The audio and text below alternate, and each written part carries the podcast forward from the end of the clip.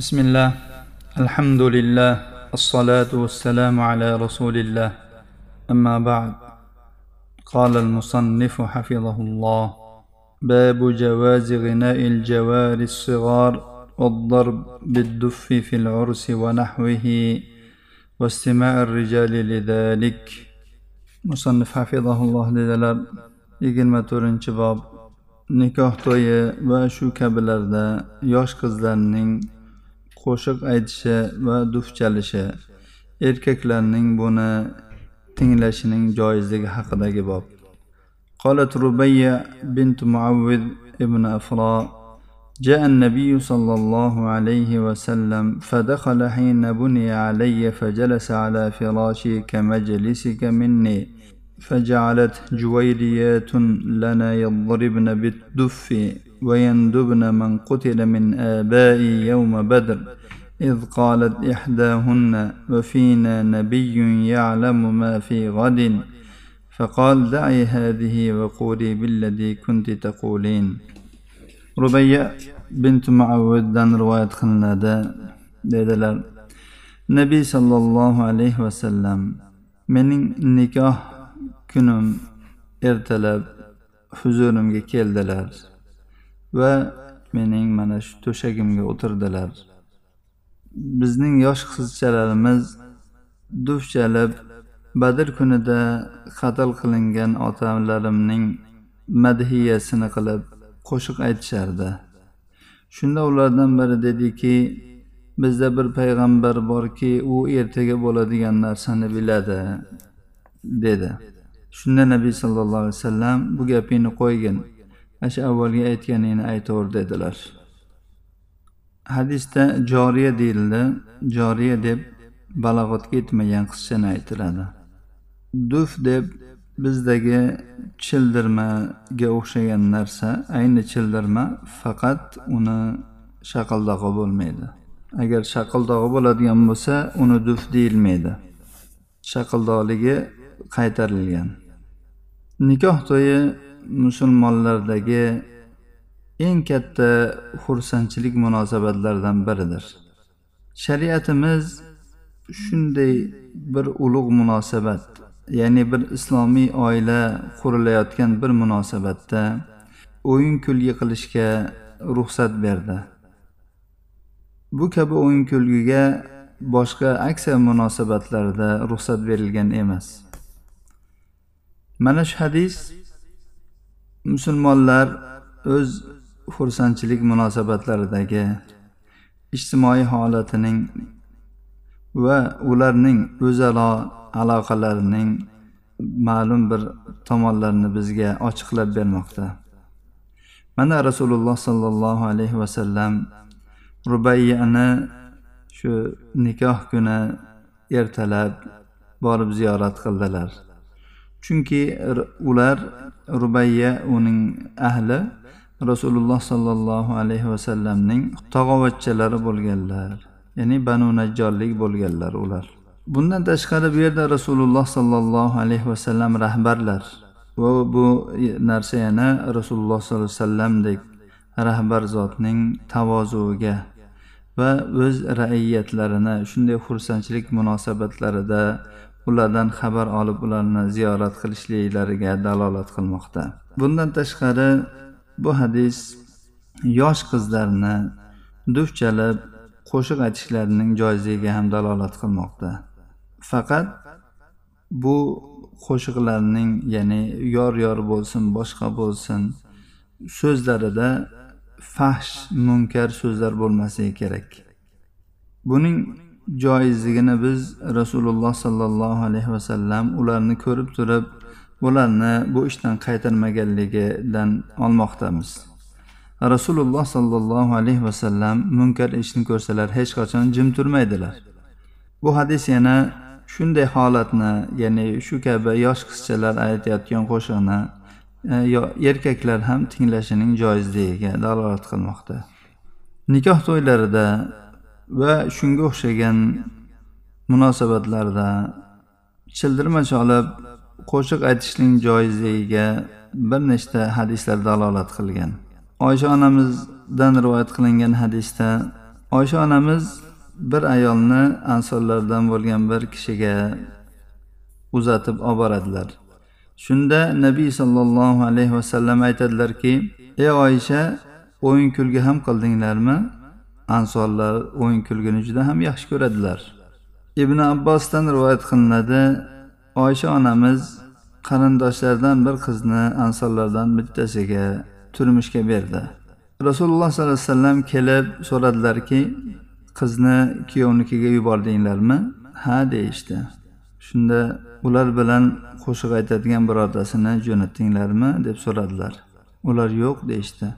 rasululloh sollallohu alayhi vasallam dedilarki ey ansonlar juda bir qo'shiqni o'yin kulgini yaxshi ko'radigan xalq ular bilan ataynakum ataynakum fahayyana va hayyakum deb qo'shiq aytadigan birortasini jo'natmabsizlarda dedilar boshqa bir rivoyatlarda ataynakum ataynakum fahayyuna nuhayyikum لولا الذهب الأحمر ما حلت بواديكم ولولا الحبة السمراء ما سمنت أعذاريكم degan so'zlar ham kelgan omir ibn saaddan rivoyat qilinadi dedi men qurada ibn kab va abi masudin al ansoriy roziyallohu anhuning huzurlariga bir to'yda kirib bordim qarasam yosh qizlar qo'shiq aytishayotgan ekan shunda men e sizlar rasululloh sollallohu alayhi vasallamning ashoblari bo'la turib ahli bardirdan bo'la turib sizlarni oldinglarda shu ish qilinadimi? deb inkor qildim. Shunda ular aytdilarki agar xohlasang o'tir va biz bilan tingla. Agar xohlasang jo'na. Bizga nikoh to'yida o'yin kulgiga ruxsat berilgan dedilar. Anas ibn molik roziyallohu anhudan rivoyat qilinadi. Nabiy sallallohu alayhi vasallam madinaning bir chekkasidan o'tib ketayotganlarida bir nechta yosh qizchalar childirma chalib qo'shiq aytayotgan ekanlar. Ular nahnu javarim min banin najjari ya habbaza muhammadun min jari deb aytishayotgan ekan.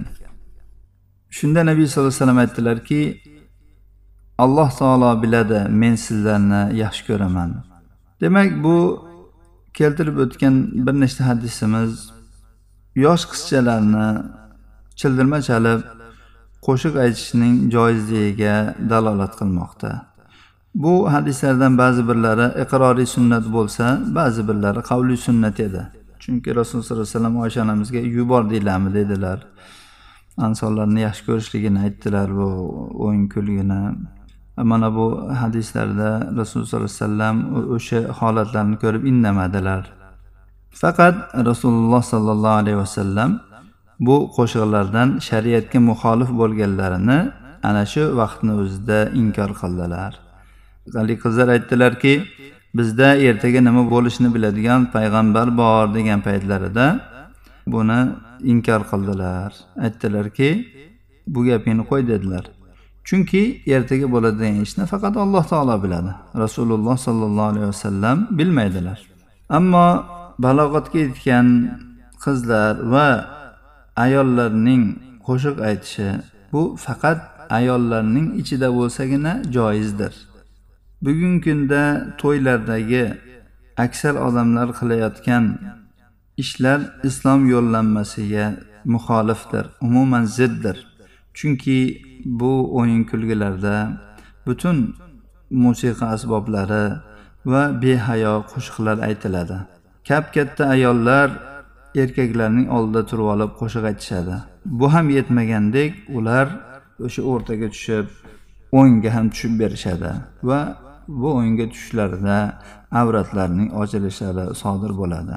Holbuki ularning o'zi aslida bu o'yinga tushayotgan ayollarning kiyimlari o'zi aslida avratni yopmaydigan kiyimlardir.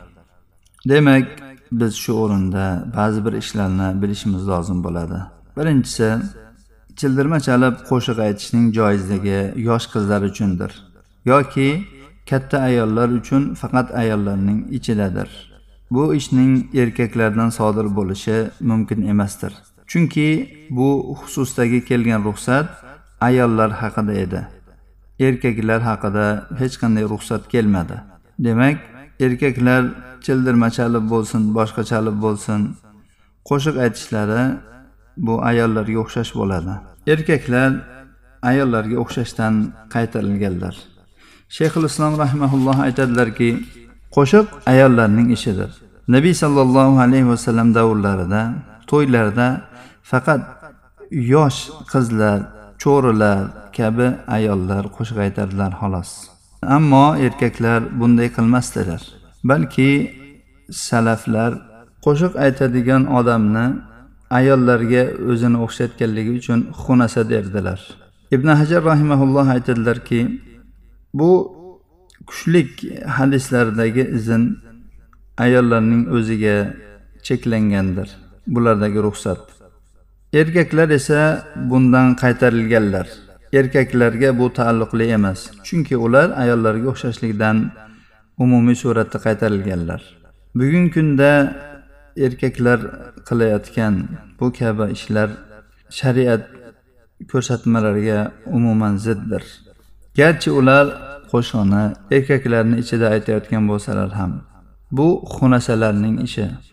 Ikkinchisi musulmon ummati jiddiy ummatdir. U hazilkash suyuq ummat emas.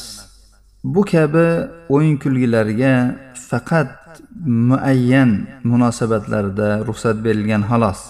Buni mutlaqo ruxsat berib qo'yilgan emas bunga qachon xohlasa hushiga kelsa qilaverishligi ya'ni faqat shunday munosabatlarda ruxsat berilganligiga yuqoridagi sahobiyning so'zlari dalolat qiladi. U zot aytdilarki bizga nikoh to'yida o'yin kulgiga ruxsat berildi.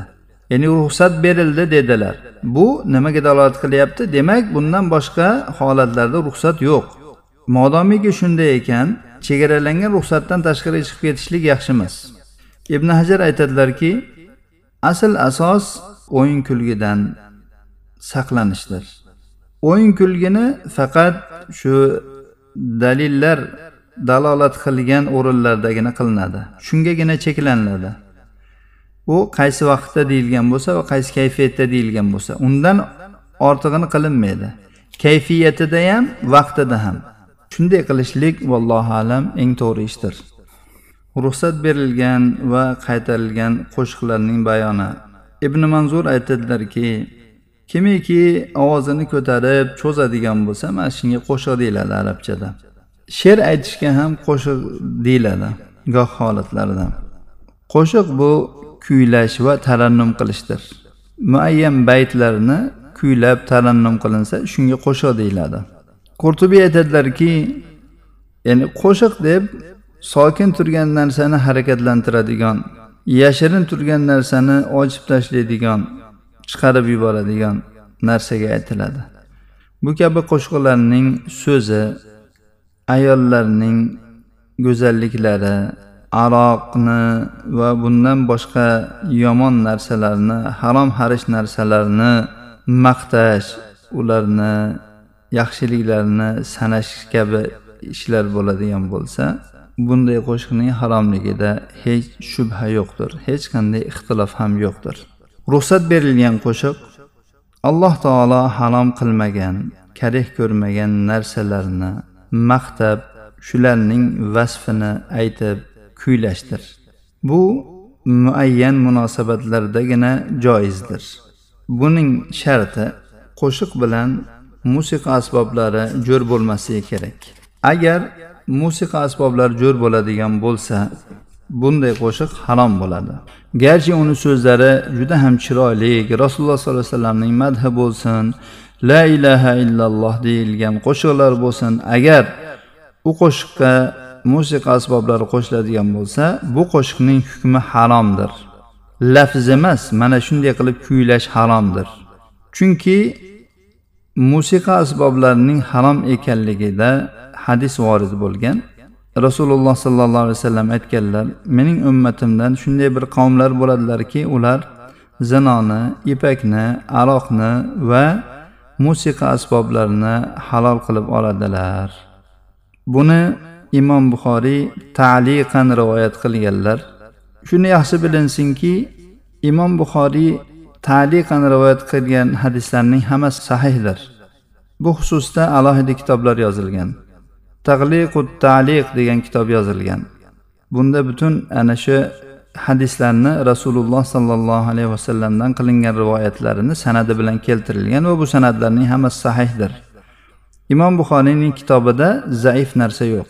Gohilar bu hadisni muallaq deb e'tiroz qiladilar. Holbuki ular imom buxoriyning sahihlarini yaxshi tushunmaydigan odamlardir.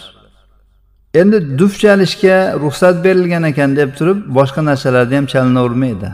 Bu rubob bo'lsin gitara bo'lsin boshqasi bo'lsin nog'ora bo'lsin bu narsalarda modomiki shariat bir narsaga ruxsat berdimi tamom unga boshqa narsani qiyos qilinmaydi. O'sha paytda ham bu asboblar bor edi lekin ularga ruxsat berilmagan.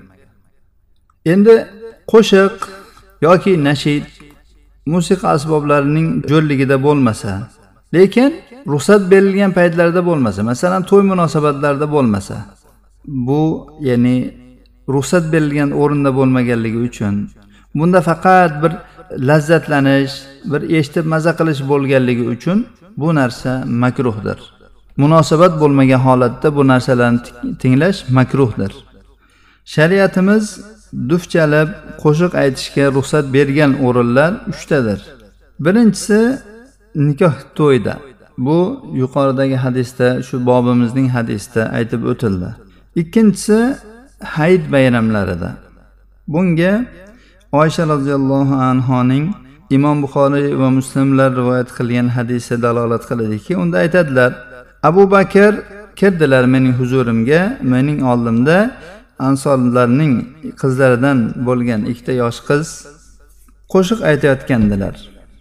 Ularning qo'shiqlari ansorlarning tarixida bo'lgan yavmi buos buos kunidagi ishlarni aytishayotgandi. Bu ikki qiz mug'anniya emasdilar. Abu bakr aytdilarki rasululloh sollallohu alayhi vasallamning uyida shaytonning mizmori bo'ladimi? Oysha onamiz aytadilar bu hayit kuni edi. Rasululloh sollallohu alayhi vasallam aytdilarki ey abu bakr har bir qavmning o'z hayiti bor bayrami bor. Bu bizning bayramimiz dedilar. Ya'ni rasululloh sollallohu alayhi vasallam shu o'rinda hozir edilar. Abu bakr inkor qilganlarida rasululloh sollallohu alayhi vasallam yo'llab qo'ydilarki bu joiz munosabat. Bu o'rinda qo'shiq aytib o'yin qilsa bo'ladi dedilar. Lekin bu o'yinni abu bakr va rasululloh sollallohu alayhi vasallam qildilarmi yoki qizchalarmi? Qizchalar qilishdi. Qizchalar qilsa o'yin kulgi qilishsa erkaklar buni ko'rishligi joizdir. Uchinchi holat uzoq safardan kelayotgan odamni kutib olishdi. Buraydadan rivoyat qilinadi rasululloh sollallohu alayhi vasallam qaysidir bir jangga chiqdilar. So'ngra qaytib keldilar. Shunda qaytib kelganlarida bir qora xotin bu qora xotinni joriya deyilyapti endi cho'ri bo'lishi mumkin. Aytdiki ey rasululloh men agar alloh taolo sizni salomat qaytaradigan bo'lsa sizning oldingizda duf chalib qo'shiq aytishni nazr qilgandim dedi. Shunda rasululloh sollallohu alayhi vasallam aytdilarki agar nazr qilgan bo'lsang qil dedilar. Agar nazr qilmagan bo'lsang qilma dedilar. Bu hadisni imom termiziy rivoyat qilganlar. Rasululloh sollallohu alayhi vasallam bu ayolni nazrga vafo qilishga buyurdilar. Nazrga vafo qilish agar u mashru va muboh ishda bo'ladigan bo'lsa bo'ladi. Agar mumkin emas ishga vafo qilinmaydi. Demak rasululloh sollallohu alayhi vasallam ya'ni bunga e, agar nazr qilgan bo'lsang vafo qil dedilar. Va bu uning shu qilayotgan ishining joizligiga dalolat qildi. Bu narsa g'oyib odamni kelganda kutib olishligining joiz ekanligiga dalolat qildi. Ushbu bobda o'rgangan hadisimiz bir nechta hukmlarga va foydalarga dalolat qilmoqda. Ulardan birinchisi solih odam.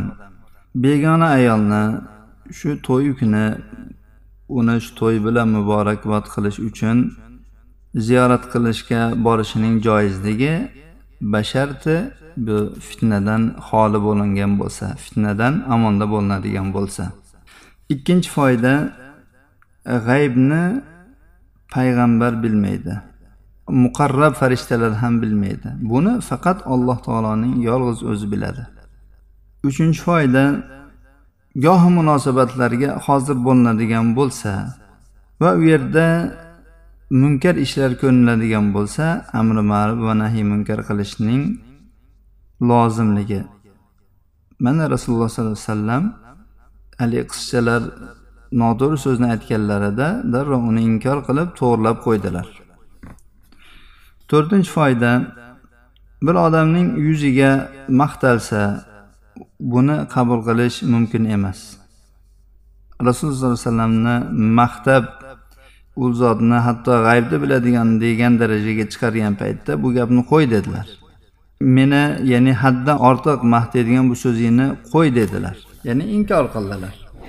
Beshinchi foyda ahli ilm va ahli fazillar va musulmonlarning imomlari musulmonlarning shariat ruxsat bergan munosabatlarida ishtirok etishlari. Agarchi bu munosabatda o'yin kulgi bo'lsa ham basharti bu o'yin kulgi ruxsat berilgan chegaradan chiqib ketmaydigan bo'lsa bunday holatlarda bunday munosabatlarga ishtirok etish bu odamning obro'siga putur ham yetkazmaydi. Oltinchi foyda ayollarga ilmni yetkazish. Yettinchi foyda rasululloh sollallohu alayhi vasallamning tavhidni himoya qilishlari haligi cho'ri qiz aytdiki bizda ertaga nima bo'lishini biladigan payg'ambar bor dedi. Bundan u qiz masalan bizni payg'ambarimizga alloh taolodan vahiy keladi o'tgan narsalarni xabari ham keladi ertaga bo'ladigan ishlarni ham xabari keladi degan maqsadni qilgan bo'lishi ham mumkin. Bu qiz rasululloh sollallohu alayhi vasallam o'zlari mutlaq ravishda g'aybni biladi degan narsani maqsad qilmagan bo'lishi ham mumkin. Shunday bo'lsa ham rasululloh sollallohu alayhi vasallam shunday ya'ni bir yo'yish mumkin bo'lgan bu gapni tavil qilish imkoniyati bo'la turib rasululloh sollallohu alayhi vasallam uni bu gapidan qaytardilar va bu eshikni e, qat'an yopib yubordilar. Ya'ni qo'y dedilar g'aybni har qanday holatda alloh taolo biladi alloh taolodan boshqasi bilmaydi dedilar. Foydalardan yana biri rasululloh sollallohu alayhi vasallamning mutavozi ekanliklari musulmonlarga nisbatan xushmuomalada bo'lganlari. Yana bir foyda to'y kabi munosabatlarda yosh qizlar duf chalib childirma chalib qo'shiq kuylashlari joiz ekan erkaklarning ham buni tinglashlari mumkin ekan.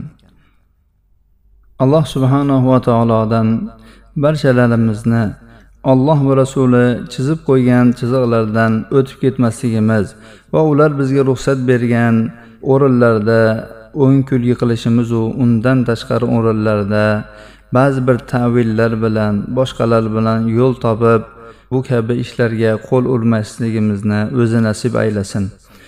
Goh insonlar yo'lini topib ba'zi tavillar bilan ba'zi bir ishlarni qiladilar qilmagan odam yutadi.